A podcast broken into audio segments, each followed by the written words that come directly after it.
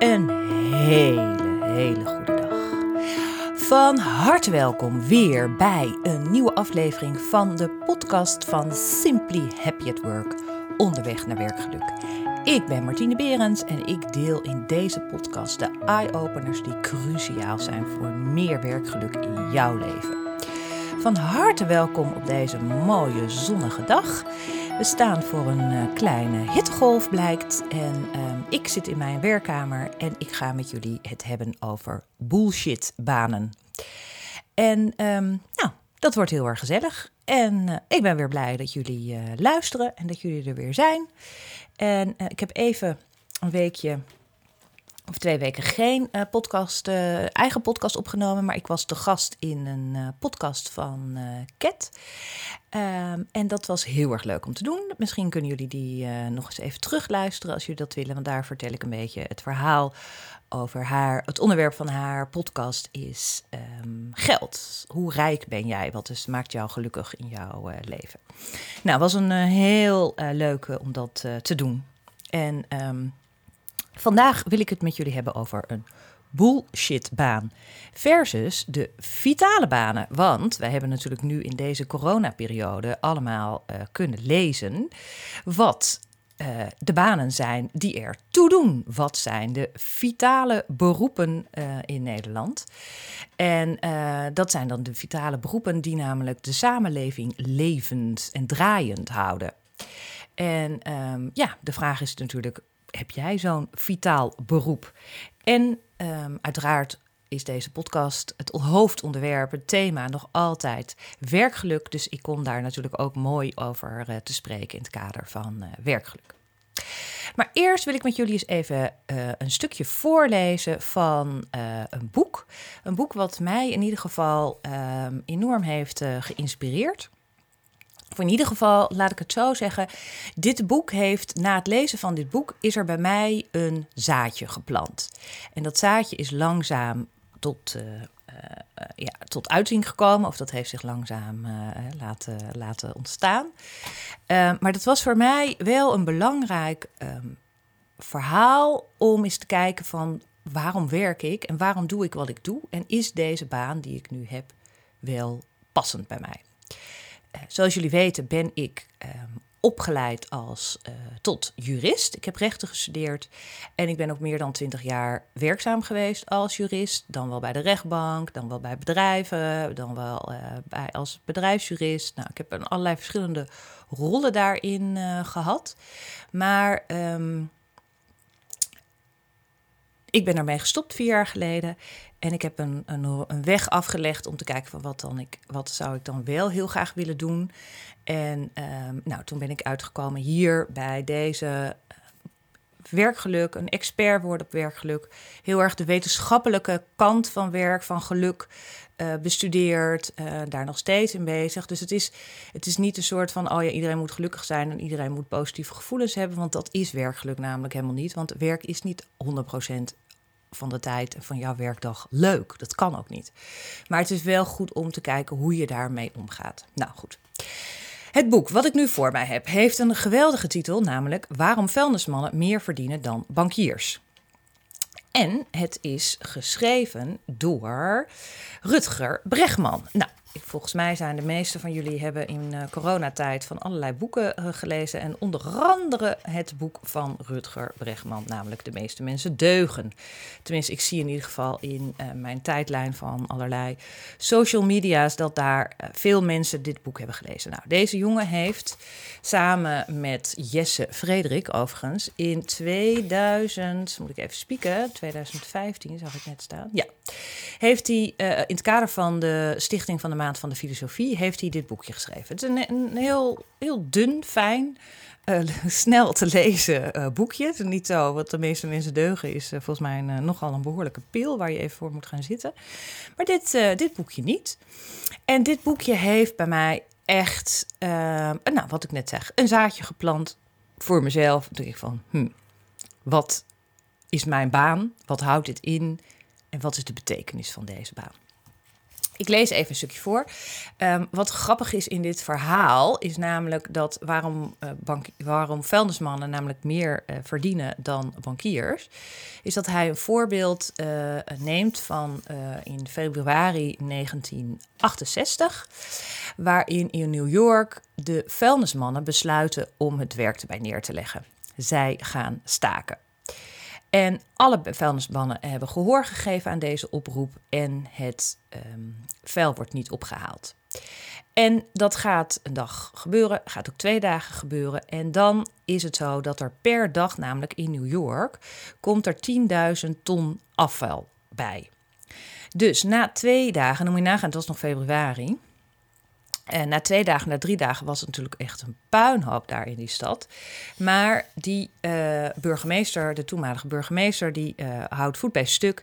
En die wordt ook allemaal gesteund. En, uh, maar op een gegeven ogenblik blijkt natuurlijk dat na een week dat deze vuilnismannen aan het staken zijn, dat het een enorme puinhoop is. En dat dat enorme gevolgen heeft voor het hele, de hele stad. Voor de economie, voor de, voor de gezondheid, voor de, nou, het aanzien. Nou ja, goed. Dus het is.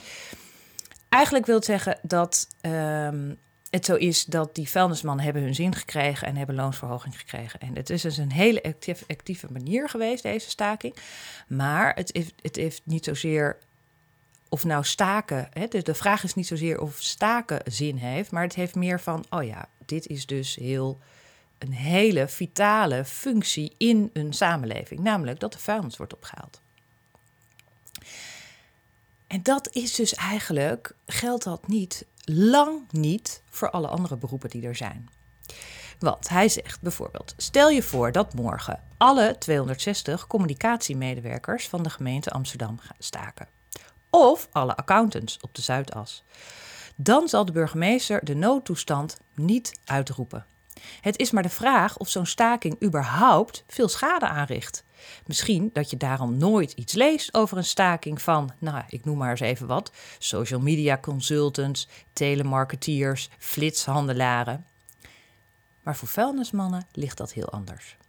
Hoe je het ook wendt of keert, ze doen werk waar we niet zonder kunnen. En de ongemakkelijke waarheid is dat steeds meer mensen werk doen waar we eigenlijk prima zonder kunnen. Voor veel mensen geldt dat ze deze wereld niet armer, lelijker, leger achterlaten als ze plotseling stoppen met hun werk. Denk maar eens aan een handige beurshandelaar die rijk wordt ten koste van een ander een of ander pensioenfonds. Denk aan de slimme advocaat die eindeloos procedeert tegen een ander bedrijf. Of denk aan de briljante copywriter die de slogan van het jaar verzint waardoor een concurrent failliet gaat. Het zijn stuk voor stuk mensen die geen welvaart creëren, maar vooral welvaart verplaatsen.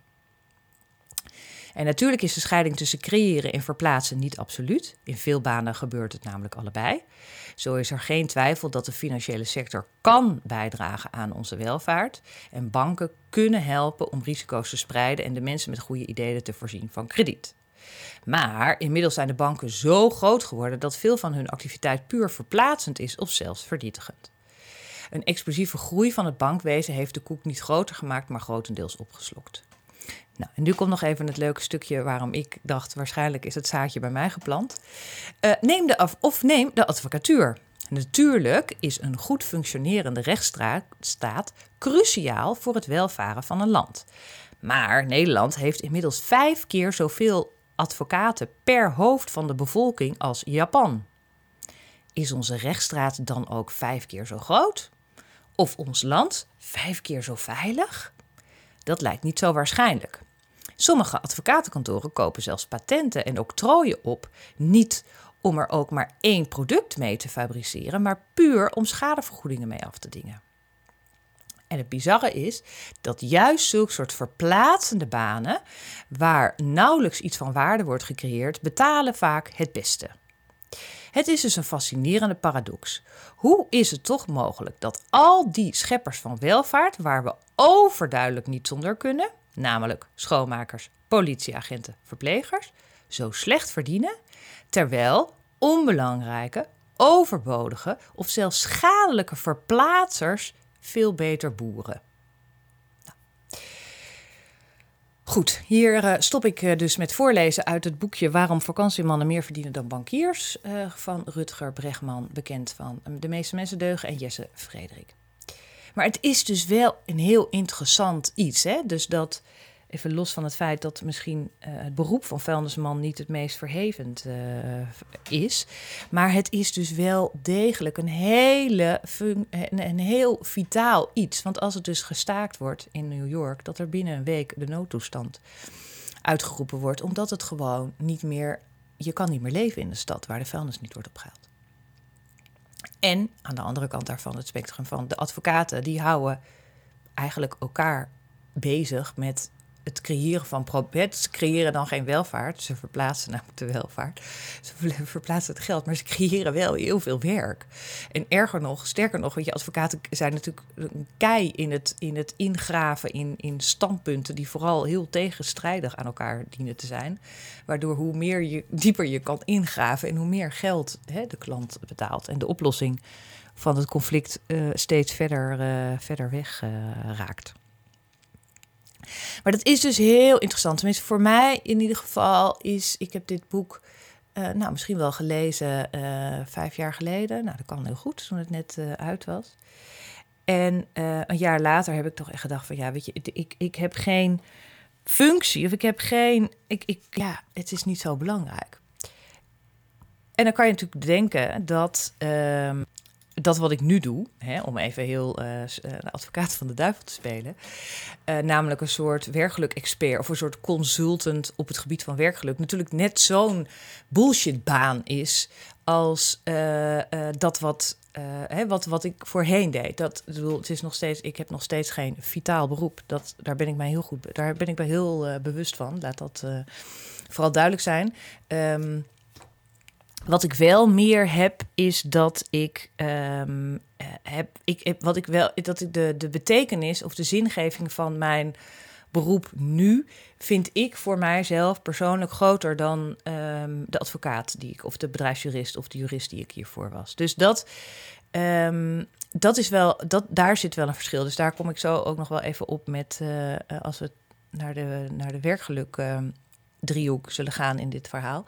Maar dat is dus wel belangrijk. Maar het is dus heel grappig. En ik denk ook dat veel mensen in deze afgelopen periode waarin we thuis zaten en thuis aan het werken waren. En dat je misschien best wel eens een keer voor je computer of, bij de zoveelste Zoom of, of Teams of wat voor online meeting jullie ook allemaal hebben gehad. Dat je daar zat en dacht, jeetje Mina, waar gaat het eigenlijk over? Waar doen we dit eigenlijk voor? En dat je daarnaast toch altijd een beetje in je hoofd had het lijstje wat, wat uh, vanuit de regering natuurlijk werd gepubliceerd. Van dit zijn de vitale beroepen in, ons, in onze samenleving. En dat is dus, um, ik zal ze even een beetje noemen. Er staat wel bij dat het speciaal in het kader van COVID-19 is geweest.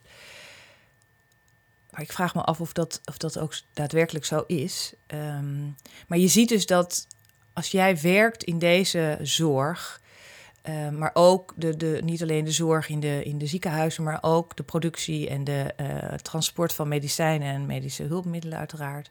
Als je leraar bent uh, of andere taken hebt voor binnen het onderwijs.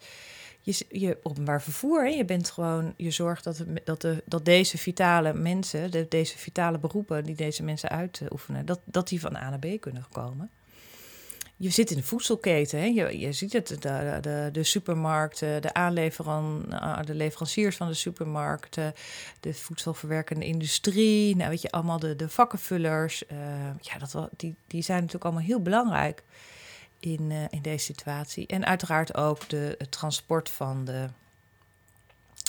de kolen, de, de, de, de brandstoffen die je hebt. Uh, maar ook natuurlijk de kinderopvang, het vervoer, de afval, uh, de media en communicatie. Hè, dat wat nodig is om de informatievoorziening op, uh, op, op touw te houden en, en, deze voorziening goed te hebben. Ehm, kijk, dat zijn in een aantal noodzakelijke processen, zoals het uitkeren van betalingen en toeslagen en, en, en ambassades en consulaten. Dat zijn de belangrijke dingen in deze, in deze afgelopen maanden geweest. En ik denk toch dat heel veel mensen die ook naar deze podcast luisteren en denken van ja, mijn functie van uh, product manager of van. nou, wat zijn er allemaal voor prachtige mooie namen die er tegenwoordig zijn? Die staat niet in, komt niet in het rijtje voor. En ga terug daaraf. Begin weer bij start. En dat is natuurlijk wel ik weet niet in hoeverre dat wel leuk. Ik vind het altijd leuk om uh, in deze podcast dat mensen een beetje terugpraten en hierop reageren. Van in hoeverre ben jij. Heb je daarover nagedacht überhaupt? Of was, was jij gewoon aan het overleven? Je dacht van nou, eh, alles leuk en aardig, maar ik ben. Ik zit opeens thuis. Mijn kinderen zitten opeens thuis. Mijn partner is opeens thuis. Wij moeten allebei, worden allebei geacht thuis te werken. We hebben ook nog, worden ook nog geacht om onze kinderen um, les te kunnen geven. En ehm, of ik nou wel of geen vitaal beroep heb, dat doet er even niet toe. Ik probeer hier even alle ballen in de lucht te houden en, uh, en alles uh, voor elkaar te boksen. Dat kan. Je kan natuurlijk ook, je ziet, er zijn ook wel wat onderzoeken. Hè? Het is natuurlijk eigenlijk deze hele Um, deze hele coronaperiode is natuurlijk wetenschappelijk gezien een enorm. Dit is gewoon zeg maar een soort gratis uh, uh, proefveld die je te, te, ter beschikking is gekomen. Om eens even wat, wat testen te gaan doen en even vragen en uit te vragen aan mensen van in hoeverre ben je gelukkig, in hoeverre um, heb je stress. Uh, weet je, normaal moet je daar hele um, onderzoeken voor optuigen en allerlei groepen voor, dat, om dat onderzoek zo zo mooi mogelijk in te richten. Maar dat, dat, het, werd, het werd je nu bij wijze van spreken aange, op een presenteerbaartje aangeleverd. Maar dus dat even. En je ziet uit dat onderzoek, daarom kom ik erop, uit dat onderzoek blijkt dat vooral uh, de, de, de, de netwerkende generatie, dus de, de millennials, de iets jongere generatie die nog geen kinderen hebben en uh, uh, misschien wel met een partner samenwonen, maar op zich, weet je, niet die extra druk voelde voor het onderwijs, het, het geven van onderwijs aan hun kinderen. Maar dat juist die personen die op kantoor zaten en eigenlijk een heel groot deel van hun sociale, um, ja, sociale leven ook op het werk afspeelt, uh, dat juist die personen heel erg uh, zijn nagaan denken en heel erg denken van jeetje, wat is nu belangrijk en wat ben ik nu aan het doen? En um, Misschien weet u ook wel, maar ik geef, ik geef les bij de bewustzijnsschool elke dinsdag. En um, daar zit ik en daar geven we het over werkgeluk. En daar kijken we. En ik merk dat de, de afgelopen twee keren dat ik dat weer uh, heb gedaan, is dat daar inderdaad deze groep mensen komen. Hè? Dus deze uh, millennials, nou dat is een beetje golfweg van 25 tot, tot 35 ongeveer. Die, uh, nou soms hebben ze wel een beetje kinderen, soms nog niet. Maar in ieder geval een beetje in deze tussenfase zitten en, en ook heel veel denken van jeetje, is dit het nu? Is dit, ik, ik vond, meestal zie je ook dat ze hun werk eigenlijk al niet zo heel erg leuk vonden, maar dit, deze periode van corona wel bij hun een soort realisatie bij, teweeg brengt van jeetje, ik, ik ga nu echt iets anders doen. En die komen dan naar uh, de workshop toe. Creëer je eigen werkgeluk bij uh, de bewustzijnsschool. Wees welkom uh, morgen of donderdag of op, op dinsdag. En um, dan ga ik met ze, dan loop ik met ze door de, de, de werkgeluk driehoek, zoals ik die noem. Er zijn natuurlijk in de, in de hele wetenschap. En um, er zijn er heel veel verschillende definities van, van, van geluk. Maar ik, ik hou nog even de definitie aan met de drie pijlers van uh, plezier, talenten en, en zet van zingeving. En dat je daar gewoon eens naar kijkt voor jouw gevoel wat je hebt bij je werk, bij jouw werkgeluk. Wat is voor jou uh, essentieel? En als je kijkt en je dat gevoel krijgt van hm, heb ik wel een baan die ertoe doet, kijk ik in deze periode uh, van corona en thuis zitten niet ook van jeetje, maar moet ik niet iets gaan doen waar, waar echt behoefte aan is of waar nou niet zozeer waar de hè, misschien wel de maatschappij behoefte aan heeft, maar waar ik ook een bijdrage aan kan leveren. Ik denk dat dat een van de belangrijkste um, um, pijlers is in dit, in, als deze situatie zich voordoet. Dus als je de werk, uh, werkdriehoek voor je ziet, dan zit de bovenste P, pijler zit op de P en dat is de P van plezier. Hoeveel plezier heb ik? Waar uh, haal ik mijn plezier uit? Werk ik samen met collega's? Vind ik dat leuk? Um, zit er, zit, daar zit ook het salaris bij. Daar zit ook de omgeving bij, de werk, het kantoor. Hoe ziet het eruit? Um, hebben, doen we ook dingen buiten het werk. Nou, weet je, dat is de hele P van, uh, van uh, plezier. Dan kijk je naar de tweede pijlers, de T van talenten. En dat zit meer van, goh, worden de, de talenten die ik heb, de kwaliteiten die ik heb, komen die wel tot uiting uh, in mijn functie? En als dat niet zo helemaal zo is, dat is helemaal niet zo erg. Want kan ik, zie ik een ontwikkeling daarin? Zie ik dat ik een opleiding kan krijgen? Zie ik dat ik een training on the job, dat ik een mentor heb, dat ik ondersteund word? En kan ik kwijt wat ik wil? En dat kan soms ook wel zijn dat mensen bijvoorbeeld een, een, een, gitaar spelen en daar ook binnen hun werk uh, iets mee kunnen doen. En uh, dus dat, dat maakt het ook heel belangrijk dat, ook, dat het niet alleen wordt gekeken naar de zakelijke talenten die je hebt, maar dat er ook wel degelijk wordt gekeken naar andere talenten die jij hebt, waar, die je eventueel ook zakelijk in je bedrijf uh, en in je werk zou kunnen inzetten. En de laatste pijler, en dat is denk ik de pijler waar we dan in deze periode, als je kijkt naar zo'n bullshitbaan, die daar in dat boekje wordt beschreven. En vitale banen, hè, beroepen of processen die de overheid nu in, coronatijd heeft uh, beschreven. En als je dan kijkt naar de zet, de zet van zingeving, dat is echt de bijdrage. Welke bijdrage lever ik aan mijn werk, lever ik aan mijn functie. Maar kan je, je kan hem ook groter maken en, en hoger trekken van welke bijdrage lever ik aan deze samenleving aan mijn straat, aan mijn stad, aan mijn dorp, aan mijn wijk, aan mijn. Nou, weet je, dus die. En dat zijn natuurlijk, daar zie je dat het vaak gaat wringen. En ik denk ook dat als ik terugkijk naar mijn uh, pad en mijn zoektocht naar, uh, een, naar, naar, meer, naar werk waar meer zingeving en betekenis in zit, dat dat ook precies het, het zaadje is geweest wat het boek van uh, Rutger Bregman, Waarom vuilnismannen meer verdienen dan bankiers, bij mij heeft veroorzaakt of heeft geplant. Want daar, ik begon mij steeds meer af te vragen van waarom doe ik dit? Waarom ben ik uh, eindeloos contracten aan het opstellen en alle beren die op de weg kunnen komen af uh, hè, te tackelen en alle gaten te dichten en alle risico's af te dichten en te verzekeren en te weet ik wat allemaal niet. En is welke bijdrage, welke betekenis geef, heb ik daarmee? Weet je, welke, wat, wat betekent dit eigenlijk? Voor mij kwam in ieder geval het antwoord dat het voor mij persoonlijk niet zoveel betekende. En dat ik daarom ook niet meer kon bijdragen aan bijvoorbeeld de missie van het bedrijf waarvoor ik werkte. Ik voelde het niet meer. En wat ik net al even zei van, eh, weet je, mijn werkgeluk-expert uh, is natuurlijk eigenlijk dat is, het is niet opeens een heel vitaal beroep daarmee. Ik ben niet, ben niet een vitaal beroep gaan uitoefenen in die zin. Maar ik vind wel dat de uiteindelijk ben ik, als ik binnen een bedrijf kom en ik geef advies over werkgeluk, dan is mijn bedoeling vooral, uh, de intentie heb ik in ieder geval altijd om te zorgen dat het werkgeluk gaat ontstaan. Of dat mensen in ieder geval bewust worden van het werkgeluk en daar waar uh, de punten en de, en de stappen te maken zijn. En op een gegeven moment zoek ik binnen het bedrijf naar ambassadeurs die ook heel erg het werkgeluk omarmen en daar mee bezig willen zijn. En die ga ik dan zeg maar uh, voeden met informatie of met uh, tips om, om dat werkgeluk vooral zeg maar uh, levend te houden binnen het bedrijf. Maar ik ben dan op een gegeven moment niet meer nodig. Dit is niet, weet je, ik ben niet een soort dat op, het, mooiste zou zijn als je dan uiteindelijk weer zeg maar helemaal daaruit trekt. Hè? Dus dat je weer gefaseerd daaraf uh, afscheid neemt en weer bij een ander bedrijf hetzelfde gaat doen. Dus dat is Um, dus ik kom, ik kom binnen, ik vertel, uh, hè, ik hoor wat er, uh, waar er behoefte aan is, ik hoor waar er, wat er nu al wordt gedaan en ik ga samen kijken, want wat, hoe kunnen we dit naar een hoger niveau tillen, zodat dat werkgeluk nog meer echt gewoon in het DNA gaat zitten, in de genen van het bedrijf gaat zitten.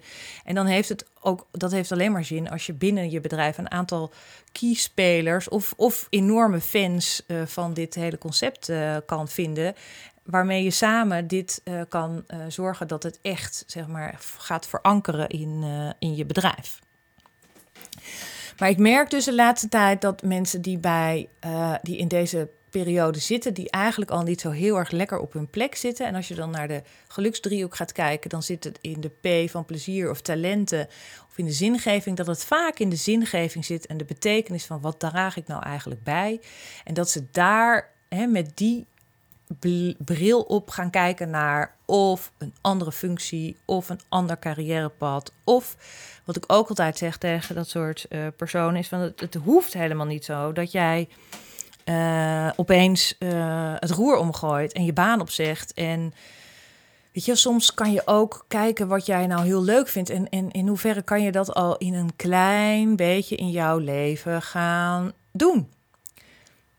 Als jij het heel erg leuk vindt om in de tuin bezig te zijn of in de natuur belangrijk vinden, ja, begin dan gewoon eens om te kijken of je je leuke balkonnetje of je platje of wat dan ook, of je stoepje buiten al met leuke bloemetjes kan, uh, kan versieren. En als je nog meer gaat verdiepen, nou, vraag of je buurman uh, die een tuintje heeft, of jij daar uh, mag voor gaan zorgen. En als je het helemaal geweldig vindt, ja, weet je, er zijn genoeg van dit soort volkstuinen in, in steden of paar. En dan ga daar dan eens je groene vingers helemaal loslaten. En, daar, en dan kan je op dat moment kijken of als je dat soort zaken doet en dus bij je eigen werk doet. Misschien heb jij wel op kantoor, hè, als jij een heel groen tuintje, groene vingers blijkt te hebben. Of dat je dat heel leuk vindt. En op jouw, uh, in jouw kantoor is ook een leuk dakterrasje of kunnen ze ook wat planten gaan doen. Ja, doe dat vooral. Ik bedoel, weet je, ga je daar... Um, weet je, als je hierachter bent gekomen dat je dat leuk vindt, hè, dat is dan bij de T van talent, of dat je kwaliteiten liggen, dan hoeft dat natuurlijk altijd niet te betekenen dat je je baan hoeft op te zeggen en bij uh, een hoveniersbedrijf gaat werken. Weet je, dat, het hoeft niet meteen zo drastisch en dramatisch. Dat zie ik ook wel veel bij mensen die hier mee worstelen, dat ze um, altijd heel meteen in, in, in een soort van rigoureuze stappen denken. En op het moment dat je zo rigoureus gaat denken en, en best wel heftige stappen wilt ondernemen, dan zul je ook zien dat je daarin stopt. Omdat je denkt van ja, maar dat gaat me te ver. Of ik, ik, ik, ik wil niet mijn baan opzeggen, of dat durf ik niet. Of dat, wat, wat je daar ook allemaal voor uh, beperkingen, belemmeringen bij uh, kan bedenken, die allemaal helemaal legitiem zijn.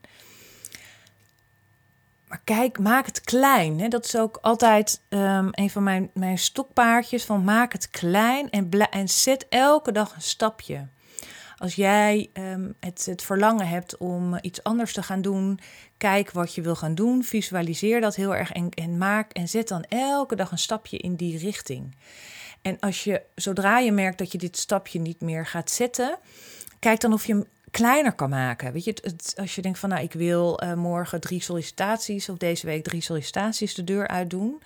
Ja, dat, is, dat, dat, dat, dat klinkt is een heel mooi streven en dat klinkt ook vrij klein, maar soms is het al, al weet je, dus dan beginnen kleiner en zeggen van nou vandaag ga ik gewoon, ik ga eens even uh, op de internet, ik ga me überhaupt eens even inschrijven in een aantal vacaturesites of, of maak hem nog kleiner, zeg van ik ga me eens oriënteren welke vacaturesites sites zijn er.